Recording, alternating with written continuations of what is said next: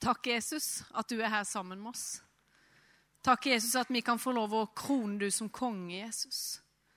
Takk at du er kongenes konge. Takk for seieren du vant, Jesus. Takk for ditt nærvær, Jesus. Takk at uh, ditt nærvær skal få lov å prege våre liv i dag, Jesus. Jesus, jeg ber om at du skal røre med oss. Rør med meg, Jesus. La ditt nærvær gjøre noe med mitt liv, Jesus. Takk, Jesus. Takk for din godhet og kjærlighet og nåde. Takk, Jesus. Amen. Ja vel? Håper ikke du tror at jeg har gått feil, altså. Jeg skulle egentlig ha vært på søndagsskolen, sånn var det, men så ble jeg da utfordra til å ha talen her inne. Og kjenner du jo nå, kan du si. Så du får altså ikke en sånn veldig eh, bibelsk utgreiing på hebraisk eller latin, men det kan du gå til videre og få etterpå. Han er bibellæreren, så tar jeg det andre. Men i hvert fall så har jeg lyst til å, å bruke litt tid på påska, på påskebudskapet i dag. Vi har jo på en måte vært igjennom det, men eh, påska er ikke helt slutt ennå. Selv om påskeegget ditt kanskje er tomt, så er det litt igjen ennå. Jeg ønsker å ta deg med på deler av Jesus sin vei mot Golgata. Sett med litt øyere utenfra, og så stoppe opp litt med, med litt av de forskjellige dagene. Jeg tenker det at Påskebudskapet det har gitt meg et inntrykk, det har gjort noe med meg, eh, som jeg ønsker at skal få et uttrykk i mitt liv. Kanskje du vil oppleve det i dag, at noe av det som skjedde med Jesus, ble malt foran øynene dine, at det kan bli et inntrykk i ditt liv som òg kan bli et uttrykk. Det er iallfall min lengsel og mitt ønske med denne dagen. Eh, litt konkrete ting så jeg tenker han kan få uttrykk i vår hverdag, rett og slett. Jepp. Disiplene de var tolv vanlige mennesker, som du og meg. Kanskje ikke så mange her er fiskere, men i hvert fall var det vanlige mennesker som Jesus utvalgte til å følge ham. Og de var nå kommet til påskehøytiden, og Jesus jeg er sikker på han gleda seg til å være sammen med vennene sine. Han gleda seg alltid til å være sammen med vennene sine. Du har kanskje hatt det sånn nå i påske at du har gleda deg til å være sammen med litt familie og venner. Du som har det. Kanskje noen føler òg på ensomhet når det er høytider. Men i hvert fall, Jesus han var der klar til å være sammen med vennene sine. Påska er òg for oss påske, påskeegg, litt ekstra god mat. Kanskje ikke Jesus og disiplene koste seg med Kvikk Lunsj og påskeegg, men eh, jeg ser for meg at de hadde noen saftige gule appelsiner, i hvert fall. det hører jo òg til i påska. Ikke bare påskeegg. Og god mat. Jesus var klar for å ha påskemåltid sammen med vennene sine. Han var klar for god mat. Men jeg tenker også at det må ha vært litt spesielt for Jesus. Når han gikk mot påske, han visste jo det at dette var faktisk det siste måltidet han skulle ha sammen med vennene sine. Det må ha vært rart å sitte og tenke på det og vite alt som skulle skje. Han hadde gitt små drypp til vennene sine, men de forsto ikke så mye av det. Men han visste alt.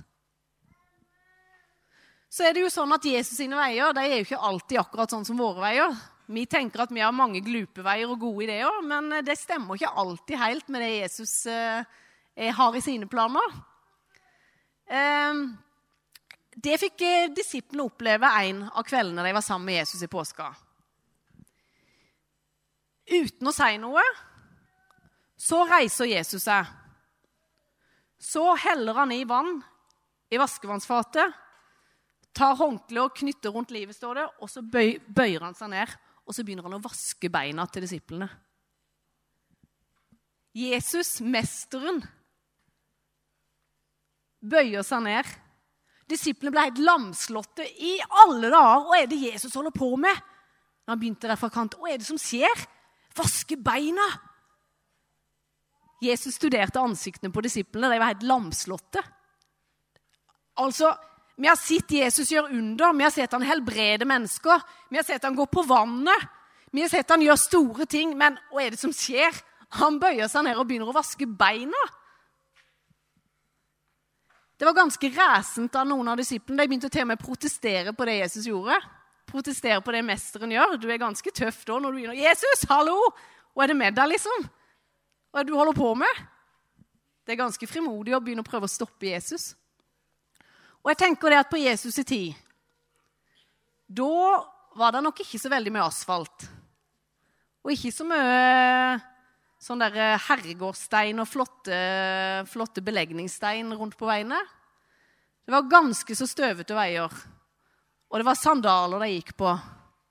Se for deg en dag ute med voksne mannfolk på sandaler, svette bein og støv. Stefan han så det for seg. Det var ikke noe veldig vakkert syn, tenker jeg. Der bøyer Jesus seg ned uten å mukke. Han begynner å vaske beina deres. Og er det egentlig Jesus prøver å lære oss med denne handlinga? Hva er det han vil for noe? Jeg tenker, Han viser oss et tjenersinn. Han var kommet for å tjene. Han var annerledes. Tjene og vise godhet. Det er rimelig ydmykt å bøye seg ned og gjøre det som egentlig var en tjener sin jobb på den tida. Men Jesus, han valgte å bøye seg ned. Vi lever i en verden der det blir oppfordra til å sette oss sjøl først. Tenk på deg sjøl. Kom on, kjør på. Men Jesus han er annerledes. Han vil at vi skal tenke annerledes. Han vil at vi skal se andre før oss sjøl. Det er ikke alltid lett. Det syns jeg er vanskelig. Egoismen i meg, den må jeg kjempe mot. Jeg vil jo gjerne gjøre det jeg syns er greis først. Så kan de andre komme litt etterpå. Men Jesus, han lærte meg noe den dagen. Han lærte meg å vise tjener sin. Det er noe jeg stadig trenger å bli minnet på.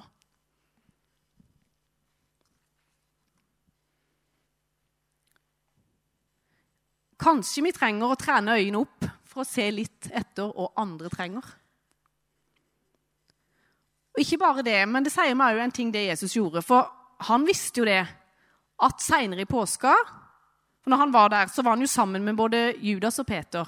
Og seinere i påska så kom han til å oppleve at Judas han ville forråde ham. Han ville oppleve det at Peter han nekta for at han kjente han. Da tenker jeg ah, Jesus kunne jo ha holdt litt tilbake den kvelden. da. Han kunne ha tenkt at jeg vet jo at de kommer til å gå på en smell om litt. Jeg vet det at nei, de kommer til å svikte meg. Nei, jeg holder tilbake litt. Jeg går forbi de to. Han kunne ha tenkt sånn. Vi mennesker kan eh, veldig fort tenke sånn han eller hun Nei, jeg har ikke mye trua på dem, altså. Nei, guri land, dere har hjulpet nok ganger. Nå får de sannelig klare seg sjøl. Men gjorde Jesus det? Nei. På tross av det han visste om dem, så tjente han dem begge to i kjærlighet. På tross av alt han visste om dem, så handla det bare for Jesus om å tjene dem i kjærlighet. Åssen kan du og meg, da, tjene andre. Jeg tenker det at uh, det fins mye av det allerede her i menigheten. Det fins mye tjenersinn og mye godhet her i menigheten. Jeg er sikker på at mange som sitter her inne, har opplevd det allerede. Og så trenger det ikke alltid være de store tinga. Et smil. Et smil kan bety mye. Husker en gang Faktisk så har jeg vært i London to ganger. Det er helt vilt. Bu på Laura har vært i London to ganger. Husker det. Jeg tok T-banen i London. Og tenkte i alle dager Du møtte jo ikke et øyenste Du møtte ikke noen øyer. Det var bare Folk var i sin egen verden, enten på seg her paddene eller mobilene. eller så Du fikk liksom ikke blikkontakt. Jeg satt på T-banen der og tenkte liksom Ja, det var vanskelig. Noe så ukjølig, ukoselig. Men det med å si et hei, blikkontakt, et smil, det syns i hvert fall jeg betyr noe. Det er noe alle kan trene seg opp til. Bare se på Tor Gunnar, så lærer vi det. en oppmuntrende SMS, en oppmuntrende telefon. Hjelpe hverandre praktisk. Ole Georg han er flink til å rive, det har jeg sagt det før. Han er ikke fullt så flink til å snekre, men han er god til å rive. Da kan han hjelpe å rive. Bjørn nikker, han her. Så er Bjørn Vatne han er veldig enig.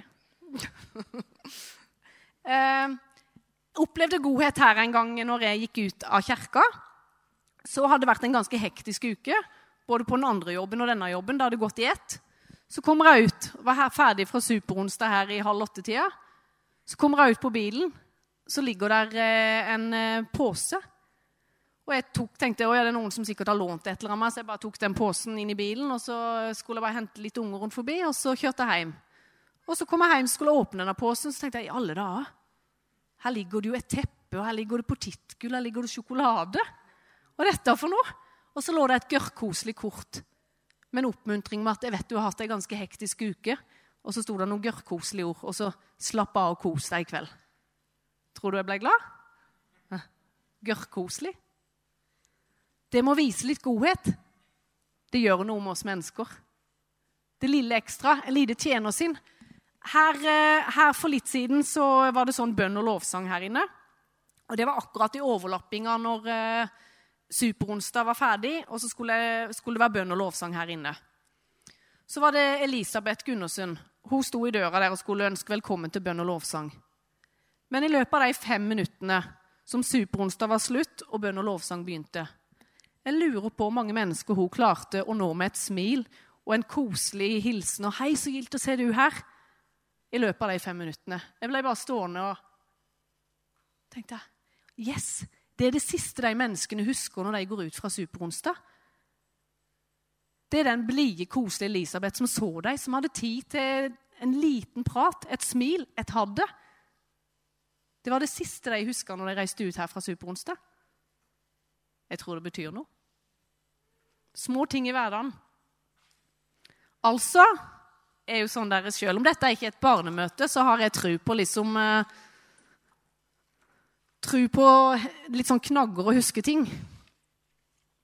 Så punkt nummer én det var altså å tjene.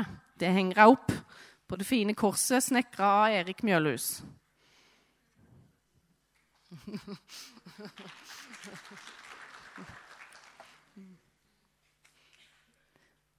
Galaterne 5,13.: Men tjen hverandre med kjærlighet.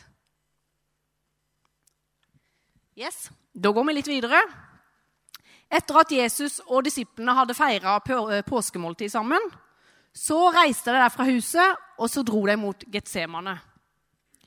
Jesus han ønska nå å bruke tid i bønn. Han visste at nå nærma det seg noen tøffe timer. Han hadde en tøff periode foran seg. Han visste hva han skulle gjennom. Det kan ikke ha vært noen lette steg for han. Jeg tenker Getsemane har vært knallhard for Jesus. Han ba til og med Gud om å få slippe. For han visste at det kosta han så mye. Men så sa han, 'Ikke som jeg vil, Gud, men som du vil'. Men han ba om å få slippe. Men han var villig til å gjennomføre det. Han gikk litt lenger inn i haven for å be. Så sa han til disiplene sine, 'Kan dere òg være her og be?' 'Jeg trenger dere. Kan dere være så snill å være her og be sammen med meg?' Hva er det som skjer? Ja, når Jesus kommer tilbake, så finner han vennene sine sovende. Ikke én gang, men tre ganger skjer det at de sovner. Jeg tenker det at Jesus når han var der i Getseman, så var det ikke først og fremst mot den der fysiske døden han kjempa, det at han skulle dø. Men det står i 2. Korinterne 5,21 at han som ikke kjente synd, gjorde Gud til synd for oss.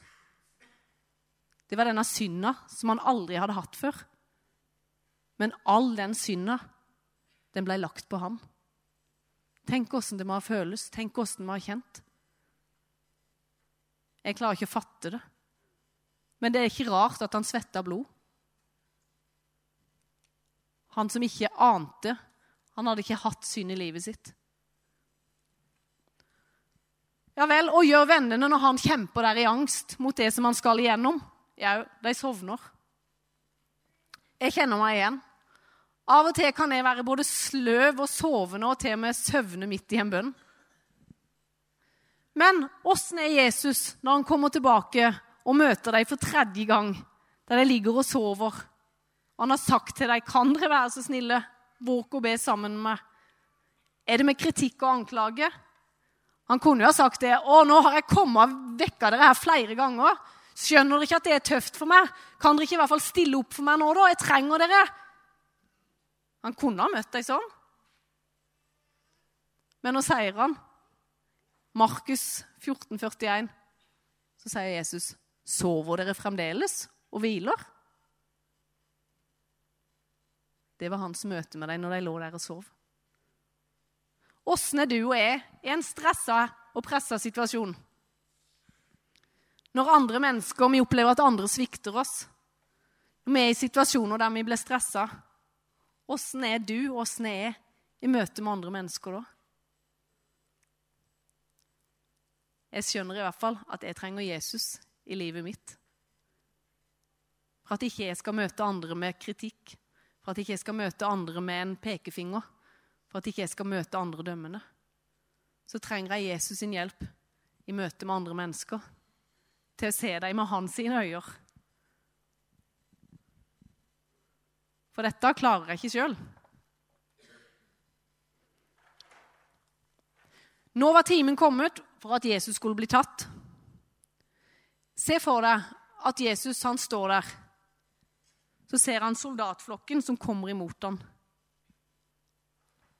De kommer med sverd, og de kommer med stokker for å ta ham.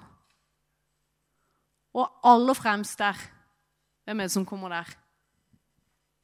Det er Judas. Vennen hans. Han kommer imot ham. Han som var villig til å få oppgi og angi Jesus for 30 sølvpenger. Han kommer imot ham. Og ikke nok med at han kommer imot ham, kunne kanskje i hvert fall ha stoppa og sagt ja, der er Jesus. Han er der. Dere ser han som står der. Først der med det mørke håret. Det er Jesus. Men han drar det vel langt, tenker jeg. Og gjør han. Han går fram frimodig og kysser Jesus som et tegn på at han var det soldatene skulle ta. Jesus kunne jo da på en måte i hvert fall ha snudd ryggen til han, eller fysisk ha stoppa han jeg vil ikke ha noe med det å gjøre. Men å gjøre Jesus Eller en kommentar, i hvert fall. Judas, takk for den. Men å gjøre han? Matteus 26, 50, så sier Jesus, 'Venn, hvorfor er du kommet hit?' Venn. Det er Jesus sitt møte med Judas. Kjære Gud, tenker jeg. Jeg ble helt overveldet. Der betegner han Judas som en venn. Det sier litt om hjertet til Jesus. Jeg kan jo kanskje heller kjenne meg igjen i den disippelen sin reaksjon, som trekker sverdet av med øra. Hæ? Han ville forsvare Jesus. Kom ikke her og ta mesteren, kom ikke her og ta vennen min. Men åssen møter Jesus det igjen, da? Han skjønte nå det at eh, egentlig så ville han jo bare hjelpe Jesus. Men Jesus igjen så nekter han å forsvare seg. Han gjør seg faktisk veldig sårbar. For det han gjør, at han reagerer spontant med godhet. Han gjør seg sårbar, for han rekker fram hånda si. Og da kunne faktisk han soldaten tenke at å, nå vil Jesus gjøre hevn. Ja, nå prøver han å stritte imot her. For hvem forventer vel godhet i en sånn en situasjon? Men Jesus gjør seg sårbar, rekker fram øra og helbreder Nei, øra. Hånda, faktisk. og helbreder øra. Igjen møter Jesus med godhet. Sjøl en av sine verste fiender de kom jo for å ta ham. De hata han sikkert. Men Jesus han møter dem med godhet.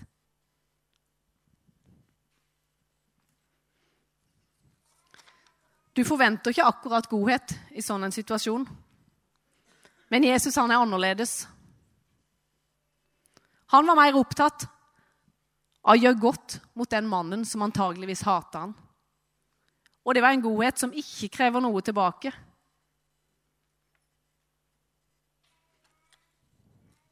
Det var punkt nummer to. Godhet.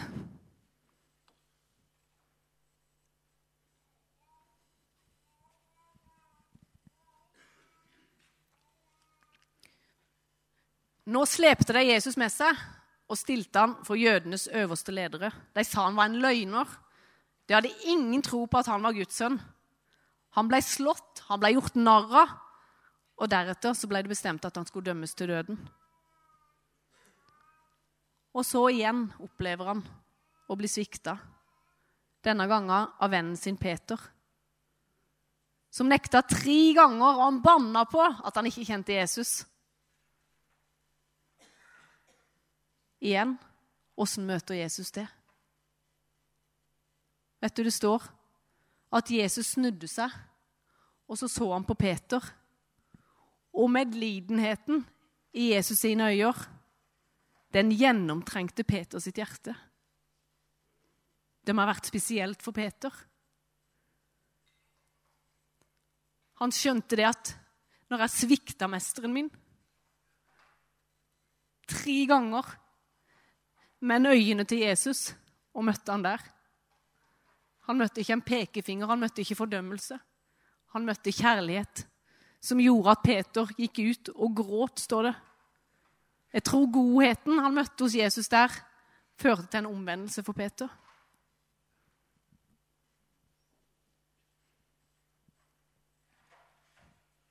Jesu godhet mot oss kan vi lære mye av i møte med våre medmennesker.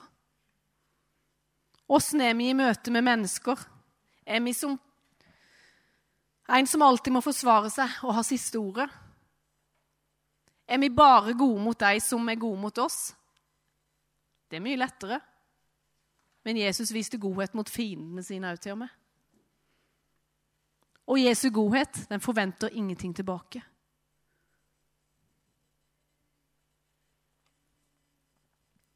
Nå ble det bestemt at Jesus skulle drepes med å spikres til et kors.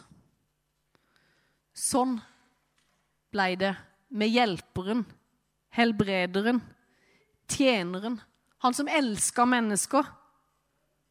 Han ble straffa og dømt til døden som en av de verst kriminelle. Han som bare hadde gått rundt og gjort godt. Hvorfor var Jesus villig til å lide sånn en forferdelig død?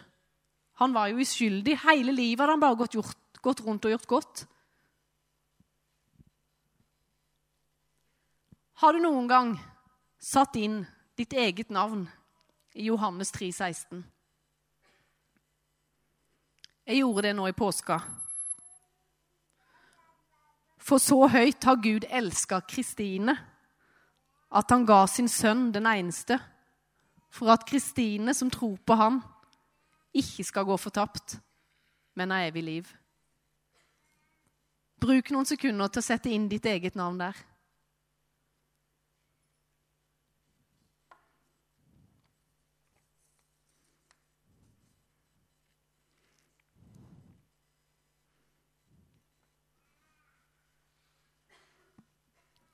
Så høyt har Gud elska deg.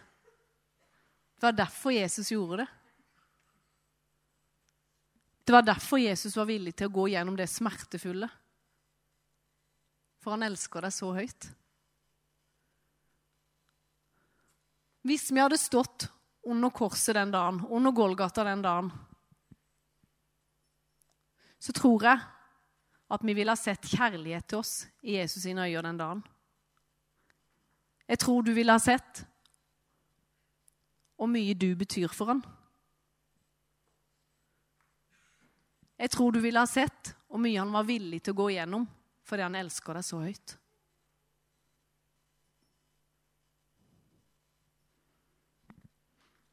Du forstår kanskje at mitt tredje punkt, det var kjærlighet. Det var kjærligheten som drev han til korset.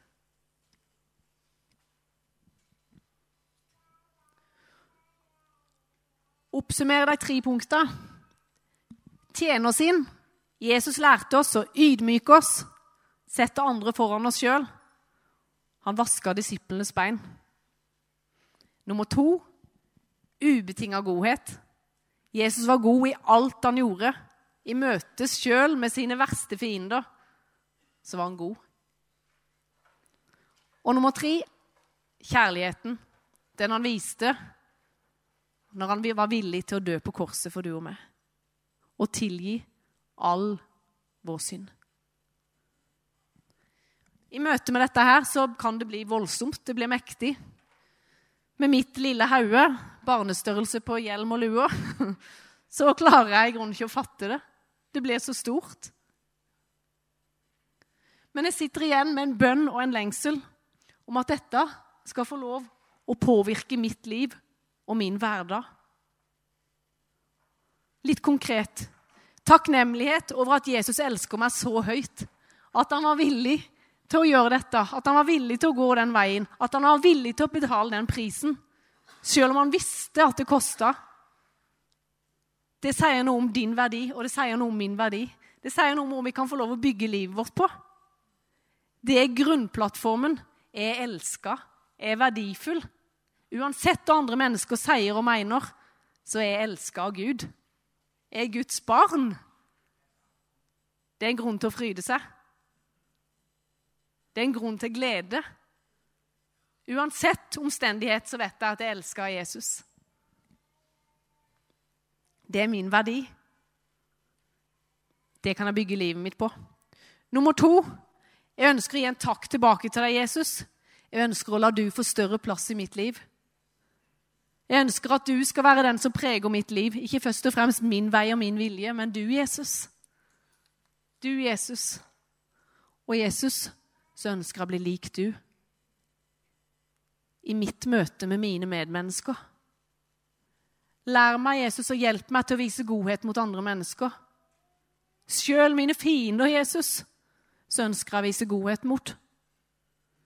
Når disiplene greip etter sverdet, så viste Jesus godhet med å lege øra. Jeg trenger Guds hjelp. Jeg klarer ikke dette sjøl, men jeg vet at Jesus, han vil hjelpe meg. Ordet godhet det beskriver evnen til å gjøre det beste for den som setter din tålmodighet på prøve. Den koster. Den som du kjenner trigger din tålmodighet som mest, og vise godhet der. Da tror han vi kan nå inn til hjerter. Jeg håper ikke du opplever dette her komme med som noe strev og nok en greie som jeg skal fikse, og åh, få til, og dette blir vanskelig. Det har ikke vært meninga fra min side. Jeg håper og ønsker at møte, et møte med nåden og denne kjærligheten og denne godheten fra Jesus skal skape et uttrykk og et forandring i våre liv. Ikke noe krampaktig at vi må ta oss sammen for å få dette her til, men med at Jesus kan få lov å prege våre liv. At han skal få lov å fylle oss, og ut ifra det livet så skal det strømme noe godt. Når vi fyller oss med Jesus, så vil det komme ut noe godt ifra våre liv. Påska gir oss et bilde av hvem Jesus er for oss, og skaper, den påska skaper en lengsel, i hvert fall hos meg, etter å bli mer lik Jesus. Ønsker å bli mer lik Jesus. I Romerne 2,4 så står det Guds godhet driver oss til omvendelse. Et møte med denne godheten. Når andre mennesker får møte noe av den godheten gjennom ditt liv, så kan det føre til omvendelse for deg. De ønsker å få tak i det. Hva er det med det her? Hva er det med den godheten? For vi sang det i stad. Kraften, den er jo i oss. Jesus lever i oss. Og når andre mennesker får møte noe av den godheten, så kan det gi en lengsel i deres liv som kan føre til omvendelse. Tenk på det. For Guds godhet, det er en utømmelig kilde. Den flyter stadig av hans velgjerninger og hans godhet til oss. Guds godhet, overbærenhet og tålmodighet Kjære med tid og tålmodig med han må være av og til, tenker jeg. Åh, han gir oss aldri opp. Selv om jeg tenker at av og til så hadde han vel grunn til det. At å, han må jo bli så lei av det. Men aldri gir han oss opp. Om vi snubler og faller, så reiser han oss opp igjen, heier på oss. Ønsker at vi skal gå videre sammen med han. Skal Guds godhet bli en sovepute for oss? Nei. Det var aldri det Jesus hadde tenkt synde på nåden. Var ikke det han hadde tenkt. Jeg tenker at Guds ønske med hans godhet er at vi skal kaste oss på han. Bli mer kjent med han. La han få prege våre liv. Og la han få peke på de tingene i livet våre som kanskje vi trenger å vende oss vekk ifra. Som kanskje vi trenger hans hjelp til å forandre litt på. At han heller skal få prege oss. Men et møte med den godheten skaper forandring i våre liv.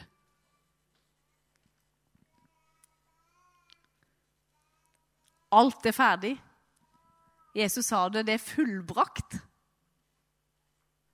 Ønsker du å la Jesus få enda større plass i ditt liv og bli mer lik han? La hans godhet få prege ditt liv, din hverdag og ditt møte med andre mennesker. Det er min lengsel og mitt ønske. At den godheten jeg har fått møtt, den mannen Jesus jeg har fått møtt og fått smaken av, at han skal enda mer få lov å prege mitt liv. Sånn at jeg i møte med andre mennesker kan gi noe av han ut. Om det så begynner med et smil, så ønsker jeg det. Og så kan jeg få lov å gå nye og nye steg sammen med Jesus. Ta større utfordringer, vise mer godhet. Og bli mer og mer lik Jesus. Jeg vet at jeg aldri blir helt lik han. Men mitt lengsel er at han skal få lov å prege mitt liv. Lovsangere, kan dere komme opp? Jeg har lyst til at vi skal bruke litt tid nå på å la det som skjedde i påska, den godheten Jesus viste da, med både tjener sin, godhet, kjærlighet, alt, alt han sa og gjorde, at det skal få lov å gi litt inntrykk på oss. Er du her og ønsker kjenner at noe av dette har rørt med ditt hjerte, så vil jeg bare gjerne jeg og andre være med og be for det. Ellers er det jo åpent for alt. Alt mulig av forbønn. Men har du en lengsel etter at Jesus skal få lov å forme ditt liv, prege ditt liv, at han skal fylle seg med sin godhet og alt det bra han har for deg, så er du velkommen fram. Så bruker vi tid til å tilbe Jesus, han som var villig til å gjøre alt dette for oss i påska. Han er verd all pris, all ære. Takk, Jesus.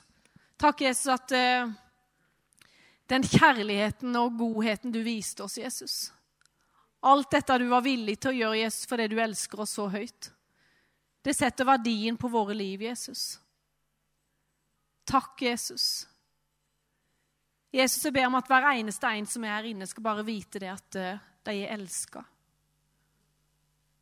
At hver eneste en var regna med når du døde på korset, Jesus. At hver eneste menneske var i dine tanker, Jesus. Takk for det, Jesus. Takk for din godhet og din nåde og din kjærlighet, Jesus. Jesus, la oss få møte den i dag, Jesus. Og Jesus, jeg ber deg at mennesker skal få oppleve hvem du er i dag, Jesus. Og takk, Jesus, at det skal få lov å prege vår hverdag, våre liv, Jesus. Jesus, vårt møte med andre mennesker. Takk, Jesus, at ut ifra denne menigheten, Jesus, så skal Froland, Jesus, og omegn få oppleve godhet gjennom oss, Jesus. Takk for det, kjære Jesus. Takk, Jesus, at vi kan få lov å være dine disipler, dine tjenere, som kan være med å spre av din godhet rundt i bygda vår, Jesus. Jesus, jeg ønsker å være med på det laget. Takk at du kan bruke meg med mine feil og mine mangler, Jesus.